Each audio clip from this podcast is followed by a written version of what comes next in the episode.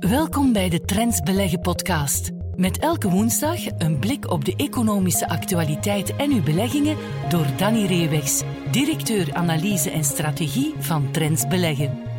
Deze podcast kwam tot stand met de gewaardeerde steun van Keytrade Bank, de onbetwistbare marktleider in online trading in België. Meer tips, adviezen en analyses voor uw beleggingen leest u wekelijks in Trends. U leest Trends al digitaal vanaf 3 euro per week via trends.be slash podcastaanbod. Welkom bij de podcast van Trends Beleggen. Aan het einde van de aflevering zal hoofdeconoom van Keytrade Bank Geert van Erk nog even zijn kijk meegeven op de beursactualiteit van de afgelopen weken. Maar eerst spreken we met Danny Reewegs van Trends Beleggen. Dag Danny. Dag chef. Ja, dag Danny, een zware periode voor jou. Um, Heel veel resultaten, dus daarom zullen we uitzonderlijk deze aflevering ook drie bedrijven bespreken en geen macro-stuk doen vooraf. Uh, het eerste aandeel dat jij erbij hebt gehaald, een van de grootste beursbedrijven in België, de, het grootste beursbedrijf in België, AB InBev, de bierbrouwer. Ja. Ehm, ik denk dat iedereen er naar uitkeek, naar de resultaten. Als je even het helikopterperspectief neemt, hoe deed het het afgelopen jaar AB InBev? Wat deden de volumes en de omzet in 2022? Ja, die zijn gunstig geëvolueerd. Alleen het vierde kwartaal was toch uh, een uitzondering op de regel, dan vooral op vlak van volumes en omzet. Dan hebben we in volumetermen een daling gezien. Ja. We, we, kwamen uit een periode van vijf opeenvolgende kwartalen waarin AB InBev het beter deed dan de analistenverwachtingen globaal gezien. Nu was het toch een veel meer gemengd rapport voor het vierde kwartaal. Maar dat heeft natuurlijk heel die gunstige tendens van de drie voorgaande kwartalen niet teniet gedaan. Maar het vierde kwartaal was toch duidelijk uh, minder gunstig dan de, dan, dan de voorgaande. Oké, qua omzet en volumes. Anderzijds, AB InBev staat ook te boek als een van de meer winstgevende bierbrouwers ter wereld, de hoge winstmarges, EBITDA-marges. Ja. Hoe zijn die geëvolueerd in dat laatste kwartaal, maar ook over heel, in, overheen heel 2022? Ja, daar zien we toch al enkele jaren dat om omzetgroei te kunnen realiseren, dat uh, AB InBev toch marge moet toestaan. Niet vergeten dat we ooit dicht bij de 40% marge hebben gestaan in, in de piekkwartalen. Wel nu, daar zitten we nu toch eerder rond 3,34 procent. Dus ook in 2022 is de marge opnieuw gedaald ten opzichte van uh, eh, 2021. We zijn gegaan van 35,4 naar 34,3 procent. Dus dat is ver weg van die 7, 8 en meer procenten die we een aantal jaren geleden hadden. Alleen het goede aan het laatste trimester van vorig jaar was dat de daling de afname van de marge minder was dan voorheen. Okay. De, uh, volumes en de omzetevolutie was dan uh, onverwacht uh, zwak, mm -hmm. maar de, de, rendabiliteit, de winstgevendheid, die was minder afgenomen, zodat eigenlijk de EBITDA-marge, ondanks die tegenvallende volume en omzetevolutie, dat die toch hoger lag dan door de markt was uh, ingeschat. Ja. En dus dat, is wel, dat was wel een positief punt. Dus eigenlijk kunnen we zeggen, ja, het laatste trimester gaf een gemengd uh, beeld. Ja. En dan qua financiële positie, want met de overname van SAP Miller in 2016, als ik ja. me niet vergif, sindsdien um, heeft het een, een, serieuze schuldenberg opgebouwd en was dat toch een van de prioriteiten van het bedrijf om die onder controle te krijgen? Hoe is dat schuld, die schuldenkater, hoe is die aangepakt? Is daar nog vordering in gebeurd in 2022? Ja, dat, dat is wel en dat is een van de groeipunten van, van vorig jaar. Lange tijd heeft, ging dat heel moeizaam, vandaar ook dat bijvoorbeeld ABM zwaar in het dividend heeft moeten, moeten schrappen, omdat die schuldenafbouw maar niet wou lukken. Wel, nu uh, is dat toch wel een gunstige evolutie evolutie opnieuw in 2022. We zijn uh, gegaan van vier keer EBITDA naar afgerond 3,5 keer EBITDA. Mm -hmm. Nu drie à vier keer, zeker voor zulk een groot bedrijf in een ja, niet-cyclische sector, hè, en in, uh, in die drankensector, ja, is 3,5 uh, keer EBITDA hè, voor netto financiële schuld, is dat denk ik echt wel aanvaardbaar. Dus dat is wel onder controle. En niet toevallig hè, heeft ze dat ook vertaald voor de eerste keer sinds lang in toch een, een stevige uh, toename terug van het dividend. Ja, en we komen van enkele jaren geleden, denk ik, vijf, zes keer EBITDA, als ik me niet ja, vergis. Ja, ja, we hebben echt te hoog uh, gezeten en dat was ook op een gegeven moment echt een aandachtspunt van de financiële markt, waarom het aandeel onder druk werd gezet en waar dan het management van ABN van op een gegeven moment heeft moet, moeten toegeven en dus bijvoorbeeld dat dividend zwaar heeft moeten verlagen. Ja. Nu tot slot, je zegt een gemengd beeld. Um, verandert dat iets aan de rol die AB InBev in een doorsneeportefeuille kan spelen, maar ook in het trends beleggen portefeuille? Want is daar een positie in? Ja, absoluut. En uh, toch ook al een beetje als een basiswaarde voor, voor lange termijn. Uh, want het is een van de sterbedrijven die wij hebben in België. Alleen dus zwaar onder druk gekomen. Maar dat was denk ik op een gegeven moment een opportuniteit omdat het aandeel toch echt wel goedkoop werd. Mm lange tijd duur tot heel duur was. Omwille van die prachtig track record op, op vlak van vooral dus uh, bedrijfskaststroom-evolutie, EBITDA, die geweldig hoog lag, die marges. Ja. Uh, is dan diep teruggevallen, maar allee, dan hebben we het kunnen oppikken. Nu denk ik, ja, is toch wel het moment om die positie wat af te bouwen. Het is een van de grotere posities bij de basiswaarde, want ja, het resultaat was toch gemengd in het vierde kwartaal en ook de vooruitzichten. Ja. Ze hebben zich gewoon bij het lange termijn gemiddeld gehad, 4 à 8 procent groei van de EBITDA. Nu, de consensus staat op 7,5. Dus dat is toch niet helemaal geweldig. Dus in die zin, ja, denk ik, het, het aandeel heeft nu een tijdje beter gedaan dan de markt. Ik denk dat dat nu voor een tijdje toch terug een einde is aangekomen. Vandaar dat we toch die positie wat gaan uh, afbouwen. Oké.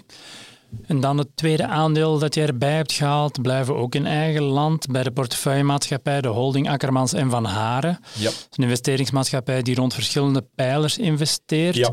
Er is een belangrijke gebeurtenis geweest in 2022 rond een van zijn participaties, CFV en DME. Kunnen we daar nog even kort overlopen wat daar gebeurd is? Ja, je had lange tijd die hybride structuur, hè, CFV als tussenholding tussen Akkermans van Haren en DME. Je weet dat heel veel investeerders absoluut daarin willen beleggen willen van DME. Hè. En, en dat gaf ook die rol van CRV, dat was een beetje het lelijke eentje, die bouwactiviteiten kreeg je altijd gratis bij als je dan vergeleek de waardering van de groep ten opzichte bijvoorbeeld van het Nederlandse Boskalis. Ja. Hè, want ja, niemand had aandacht voor, niemand wou daar ook voor in beleggen. Vandaar dus dat het logisch was dat DME een aparte notering kreeg. Dat is gebeurd eh, midden vorig jaar. En ja, we hebben toch gezien dat dat eerste jaar, als dat twee aparte vennootschappen, dat dat heel goed is, uh, is verlopen.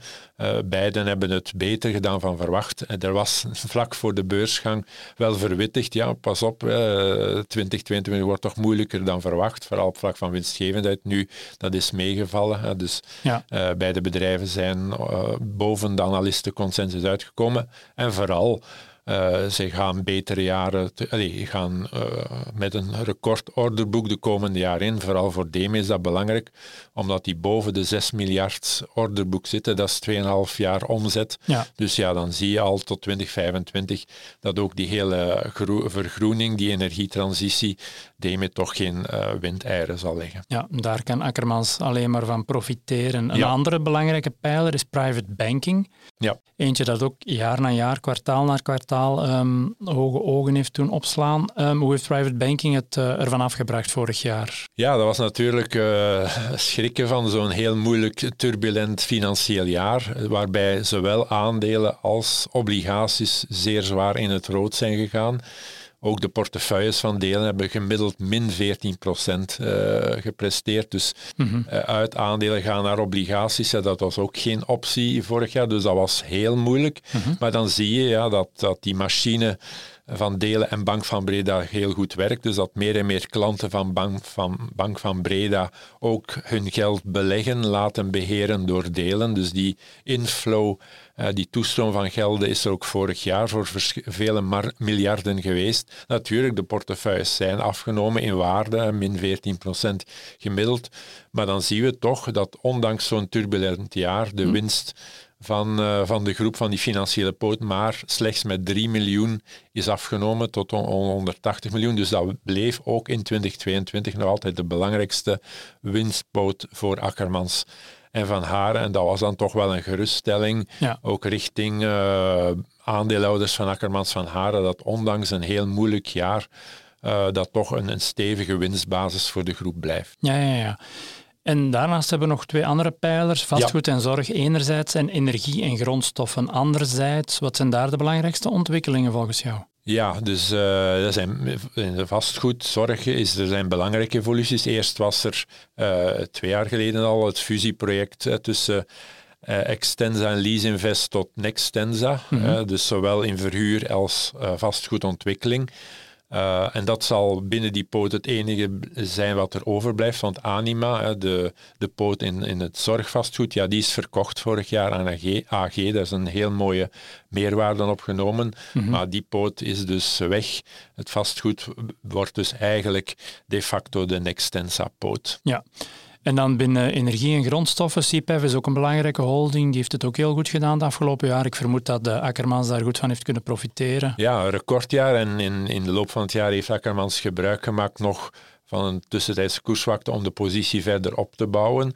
Uh, CPEF heeft een heel goed jaar achter en, heeft de jongste jaren toch uh, na serieuze schuldenopbouw om een expansie te kunnen doen. Het is de bedoeling om de productie van 400 naar 600.000 ton te verhogen de komende jaren, nu zonder schulden. Dat is toch wel heel opmerkelijk. Mhm. Dat betekent ofwel kan CPF gaan voor extra expansie. Nu ja, ze hebben al flink wat expansie, dus dat is niet zo evident.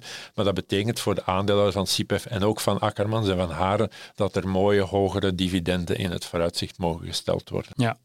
Nu, als we voor Akkermans de netto-winst van 2022 even bekijken, ligt die enorm hoog. Uh, je vermeldde daarnet al een deal, de deal rond Animacare. Zijn er nog andere belangrijke zaken die voor die netto-winst een rol hebben gespeeld? Ja, een van de groeibedrijven, Manuchar, die is ook verkocht. Dus dat betekent, ja, uh, van Haar had een recordwinst van meer dan 700 miljoen euro waardoor er uh, op, de, uh, op de balans een half miljard aan cash staat. Ondertussen is er nog een participatie verkocht uit de groeiportefeuille en weldra gaat dus die kaspositie naar 550 miljoen euro. Dus Akkermans en Van Haren heeft flink mogelijkheden. één om bestaande uh, participaties verder te ondersteunen in hun groei. Dus bijvoorbeeld DME, ja. uh, Nextensa uh, of, en, en vooral ook die groeiparticipaties, om die te ondersteunen in verder groei. Daar is absoluut geld voor. En natuurlijk zal Akkermans van haar ook nieuwe investeringen aankondigen, wellicht ook nog een aantal in 2023. Dus dat is, daar is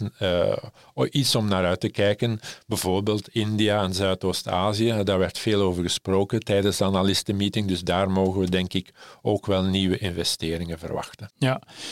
Nu, als we het overlopen, mooie winst, uh, veel cash op de balans, allemaal goed nieuws eigenlijk. Maar als we dan naar de koers van het afgelopen jaar kijken, kunnen we moeilijk zeggen dat aandeelhouders heel veel plezier aan het aandeel hebben beleefd. Is er iets wat de markt onderschat? Of? Ja, dat kwam toch wel. En vooral de voorzitter van bestuur, uh, good old Luc Bertrand, kwam daar toch wel op terug. Zeg te kijken, op 40 jaar, dus sinds de jaren 80 is hier een gemiddeld jaarlijks uh, opbrengst van bijna 13 procent, 12,7 procent gerealiseerd. Uh, dat is toch een stuk meer, veel meer dan het marktgemiddelde. En hij vond ook dat, dat momenteel het aandeel daar niet, het bedrijf daar niet voor gewaardeerd wordt. Dus in die zin ja, uh, heeft Akkermans van Aarde was heel veel schrik. Hè. Bijvoorbeeld rond die financiële poot rond DME ja, ja, gaat 2022 een stuk minder zijn dan 2021, uiteindelijk niet. Dus zou het wel een beetje logisch zijn. Ook uh, als Akkermans van Haar een, bepaal, bepaalde nieuwe investering kan uh, aankondigen die goed in de markt liggen, ja, dat er misschien wel een inhaalbeweging ten opzichte van de Bel 20 mogelijk is de komende tijd. Meneer Bertrand die de beurslik op stuk geeft. En dan bij het laatste uh, aandeel zijn we aangekomen, ook in België, Ontex, de producent van luiers en andere hygiëneproducten. Uh, dat is eerst op managementniveau uh, een, een, belangrijke ontwikkeling geweest vorig jaar. Kun je ons daar nog even mee doorheen nemen? Ja, Esther Berospe, die nog, de Spaanse, die nog minder dan twee jaar aan de top stond van Ontex, is ook alweer vervangen door de Argentijn Gustavo Calvo Paz. Uh, iemand met heel veel ervaring, uh, toch met een duidelijke opdracht om de financiële positie die uit, uit verband was gerukt. Hè, ja. Dus op een gegeven moment heeft Ontex nog onder een vorig management voor Burospe heel veel expansie gedaan in Latijns-Amerika, vooral Mexico en Brazilië. Dat is niet, absoluut geen meevaller geworden. Het e-, waren eerder de lelijke eentjes van de groep, vooral dan Brazilië. En uh, ja, het heeft veel schulden opgebracht, maar geen uh, verbetering qua rendabiliteit. Mm -hmm. En dan kwam natuurlijk die perfecte storm met uh, enorme stijging van grondstofprijzen, dus de, de kosteninflatie, en die heeft uh, Ontex toch zeer zwaar geïmpacteerd, waardoor ja, op een gegeven moment, derde kwartaal vorig jaar, op het moment dat bij Rospe dan aan de kant werd geschoven, de, de netto financiële schuld liefst 7,7 keer EBITDA werd, ja, als we, zoals gezegd, ja. Eh, bij ABMF drie à vier keer is normaal. Zeker voor een bedrijf met schulden mag dat dan beter nog wat minder zijn. Ja, dan is 7,7 keer toch wel veel te veel. Gelukkig, eh, op het einde van het vierde kwartaal, op het eind van vorig jaar, was het dan teruggevallen tot 6,4, maar dat is nog te veel. Ja, dus op één kwartaal toch een beetje vooruitgang geboekt. Over heel het jaar genomen, heb je operationeel uh, bepaalde ontwikkelingen zien gebeuren bij Ontex. Is daar een beetje beterschap? Ja, gelukkig, hè, want het is niet alleen uh, kommer en kwel met dat schuldenverhaal. Die, die schuldgraad is kunnen afgebouwd worden omdat operationeel in het derde en het vierde kwartaal, dus de tweede helft van vorig jaar, in tegenstelling tot heel veel andere bedrijven, mhm. het uh, net operationeel beter is binnengegaan, dat de marges terug zijn gaan verstevigen. Als je op jaar op jaar vergelijkt, was zelfs het vierde kwartaal van 2022 al beter ah, qua marge dan 2021 natuurlijk globaal 2022 zit je nog op een heel lage marge, 5,5 procent. Maar dat heeft eh, vooral dan met die eerste trimesters die heel, uh, heel slecht waren in eigenlijk. Maar in het vierde kwartaal zat je al terug een marge 7,6 uh, procent. Dus dat is toch een duidelijke verbetering. En men zegt dat men die lijn, die positieve lijn in 2023 kan doortrekken. Alhoewel er een aantal kosten, nieuwe contracten zijn. Dus het zal niet zo evident zijn. Maar uh, de nieuwe topman maakt zich toch sterk dat hij die netto financiële schuld kan herleiden tot vier keer EBITDA. Dus dat is ja, toch het maximum dat het zou mogen zijn aan het eind van 2023. 2023. Eh, We zullen hem daaraan houden. Dat zal een belangrijke afspraak zijn natuurlijk. Daarvoor is hij er ook gezet. Ja. En dat betekent dat, nadat Berospe er nog in geslaagd was die Mexicaanse activiteiten te verkopen, dat hij er moet inslagen om de Braziliaanse activiteiten te kunnen verkopen. Men zoekt daar een koper. Ja, dat is tot nu toe niet gelukt, want dat zal nodig zijn bovenop de verdere operationele verbetering van de winstgevendheid. Anders zal het niet mogelijk zijn om aan die vier keer EBITDA te geraken tegen eind dit jaar. Dat is de strategische taak die op de plank ligt voor een nieuwe CEO. Tot slot nog, de beurs lijkt de ontwikkelingen wel te belonen. Koersverloop is goed geweest. Uh, wat verwacht jij nog voor, voor het Ontex-aandeel? En is dit de lang verwachte kentering waarop zitten te wachten? Ja, uh, ja, we hebben natuurlijk lang heel zwak, uh, zwakke koersevolutie gehad. Uh, het voorbije jaar is er nu een kentering. Hè. Zitten we nu boven het Bel 20-index gemiddelde. Ja. Uh, tuurlijk, wat ook belangrijk is, dat er op een gegeven moment vorig jaar overnamegeruchten waren. Eerst dat GBL, hè, dat de belangrijkste individuele aandeelhouder is, uh, Ontex zou van de beurs halen. Dan kwam het verhaal van het Amerikaanse partij, American Industrial Partners. Wel, nu die gesprekken, eh, dat was ook mededeling bij, naar aanleiding van de jaarcijfers, die gesprekken zijn stopgezet. Blijkbaar vanuit de kant van Ontex zelf, die zeggen, ja, dit is niet het goede moment om te gaan, uh, ons te laten overnemen. We moeten eerst zelf operationeel terug sterker worden en dan kan er misschien opnieuw gesproken worden of kunnen we zelfstandig verder gaan. Dus in die zin geloven ze toch wel in de verdere verbetering.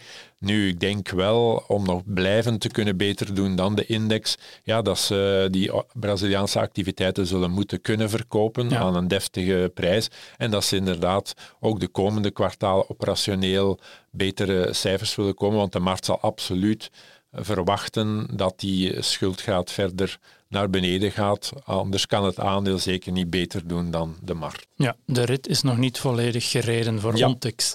Voor deze week ben jij heel hard bedankt voor jouw kijk en inzichten en graag tot volgende keer. Tot volgende keer. Dag. We luisteren nu naar Geert van Herk, Chief Economist van Keytrade Bank, met zijn analyse op een aspect van de economische actualiteit. Hallo iedereen en welkom bij onze bijdrage aan de Trends Beleggen podcast. De podcast van vandaag staan we opnieuw even stil bij onze relatief momentumstrategie voor de Bel 20. Voor luisteraars voor wie dit de eerste kennismaking is met deze relatief momentumstrategie voor de Bel 20, herhaal ik nog eens kort de principes van deze strategie. Wat we met deze strategie willen bereiken is dat we de sterkste aandelen uit de Bel 20 willen halen. We wilden eigenlijk ja, een soort van filter plaatsen op de Bel 20 en de sterkste aandelen eruit selecteren en de zwakste aandelen zoveel mogelijk vermijden in onze portefeuille. Hoe gaan we daarvoor te werk? Wel, we nemen voor elk van de 20 aandelen uit de Bel 20 de return van de afgelopen 1, 3, 6 en 12 maanden. We tellen die vier cijfers bij elkaar op, we delen het door vier en zo komen we op een gemiddelde return voor elk aandeel uit de Bel 20. En we doen dat dus voor alle Bel 20 aandelen en we rangschikken ze van hoog tot laag. Dus de aandelen die het best gepresteerd hebben over de afgelopen tijd, die staan helemaal bovenaan. De zwakste aandelen, die vinden we helemaal onderaan ons klassement. Als we even terugkijken naar onze selectie voor de maand februari, toen waren de vier aandelen die we weerhouden hadden voor deze momentumstrategie KBC, Solvay, Ageas en Aperam. Die vier aandelen die hadden een gemiddeld rendement gedurende de maand februari van 0,84%. Dat is iets zwakker dan de Bel 20, want de Bel 20 woont zo'n 1,10% gedurende de maand februari. De prestatie van onze vier aandelen, onze vier geselecteerde aandelen, werd een beetje naar beneden toe getrokken door de zwakke prestatie van Ageas in, het, uh, in de tweede maand van 2023. Ageas verloor ja, zo'n 4,5% gedurende de maand februari. En dat had natuurlijk ook een impact op de selectie, op de return van de selectie die we gemaakt hadden. Want er was wel een mooie prestatie van KBC, Solvay en Aperam. Goed, 0,84% voor onze momentumstrategie, 1,10% voor de Bel 20. Als we dan even kijken naar de eerste twee maanden, want we hebben nu cijfers voor januari en februari. Onze momentumstrategie staat ja, breed gesproken op 5,6% winst sinds januari en de Bel 20 op 4,36%. Het is natuurlijk ook een beetje theoretische oefening, hè, want we doen dit op basis van ja, de koersen van Bloomberg. U weet natuurlijk ook, ja, momentumstrategie is een wat actievere uh, strategie, dus uh, vaak kopen en verkopen. Dus er is ook wel een beetje transactiekosten uh, mee verbonden. Maar zolang je natuurlijk een hoger rendement kan halen met deze strategie, is het natuurlijk wel de moeite waard uh, om die hogere kosten een beetje te maken. Het is een beetje eigen aan een momentumstrategie dat je meer gaat handelen dan een traditionele buy-and-hold strategie. Maar als je dat natuurlijk vertaalt over de jaren heen in een superieure prestatie, dan is dat natuurlijk wel de moeite waard.